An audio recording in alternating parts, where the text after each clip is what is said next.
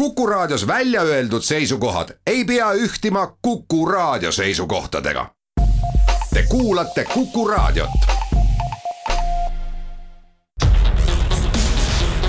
teadus teab. teadus teab koroonaviiruse üks sümptom on lõhna- ja maitsetaju kadumine. juba viirusepuhangu alguses sai selgeks, et mitmed koroonaviirusega nakatunud inimesed ei tunne lõhna, teinekord ka maitset. seda isegi juhul, kui teisi viirushaigusele omaseid sümptomeid ei ole kui paljudel koroonaviirushaigust põdevatel inimestel kaob lõhnataju, sellest teadlastel ühtset seisukohta veel pole. paljud uuringud on aga näidanud, et tegemist on üsna levinud sümptomiga.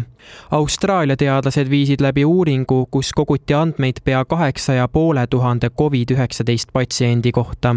tulemustest selgus, et viirushaiguse põdejatest nelikümmend üks protsenti koges lõhnataju kadumist Iraani teadlaste uuringust selgus et, et üheksakümne kuuel protsendil haigeks jäänutest oli lõhnatajuga probleeme ja kaheksateistkümnel protsendil kadus lõhnataju täielikult seejuures selgus uuringu juhtivautori sõnul, et paljudel patsientidel kadus lõhnataju väga järsku miks koroonaviirusega nakatunud inimestel lõhnataju ja ka maitsetaju kaob, pole teadlastel veel täielikult välja selgitatud, kuid nii mõndagi on juba teada.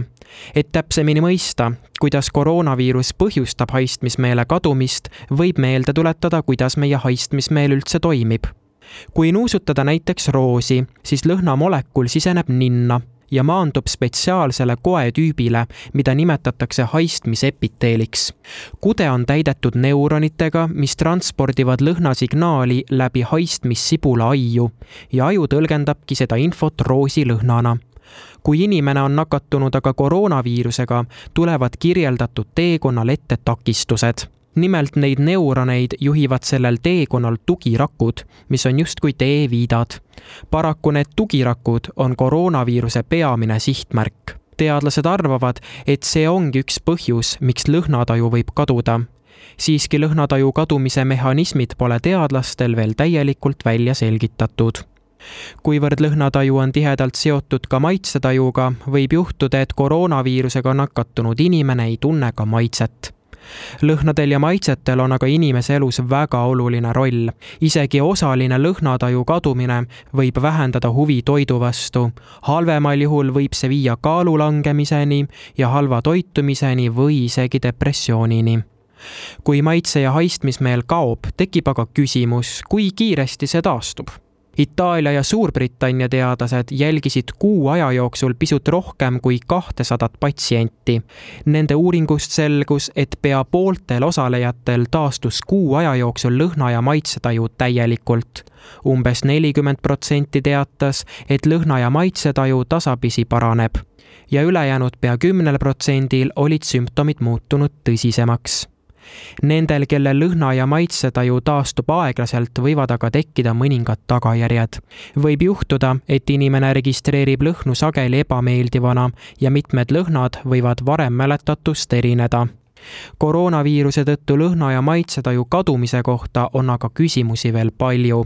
Ja olulistele küsimustele vastuste leidmisega tegelevadki teadlased mitmel pool maailmas suundume siit aga ajaloo teemade juurde, täpsemini Vana-Egiptusesse laupäeval avastati Egiptuse ajaloos olulisest Sakkara surnute linnast mitu uut märkimisväärset arheoloogilist leidu. nimelt leiti üle viiekümne sarkofaagi, mis on rohkem kui kaks tuhat viissada aastat vanad. sarkofaagid leiti hauakambritest, mis on umbes kümne kuni kaheteist meetri sügavusel. veel on leidude seas üks nelja meetri pikkune papüürus, kus on muuhulgas tekste Vana-Egiptuse surnute raamatust. sur surnute raamat on loitsude kogum, mille eesmärk on juhtida surnuid teispoolsusesse Vana-Egiptuse ajaloos paigutuvad need leiud uue riigi perioodi. uue riigi ajal saavutas Egiptuse riik oma suurima ulatuse. juhtiv Egiptuse ajaloo uurija Zahi Hawass ütles, et need viimased leiud võivad uut valgust heita Sakara ajaloole uue riigi ajal. Sakara, kust kogu see varandus leiti, on muistse Egiptuse surnute linn ja seal asub enam kui tosin püramiidi, kloostrit ja loomade matmispaika. sinna on rajanud püramiide mitmed vaaraod, olnud, kuid sinna on maetud ka arvukalt riigi kõrgeid ametnikke. Sakara asub Egiptuse pealinnast Kairost umbes kolmkümmend kilomeetrit lõuna pool hiljutine enam kui viiekümne sarkofaagi avastamine pole aga suurim leid.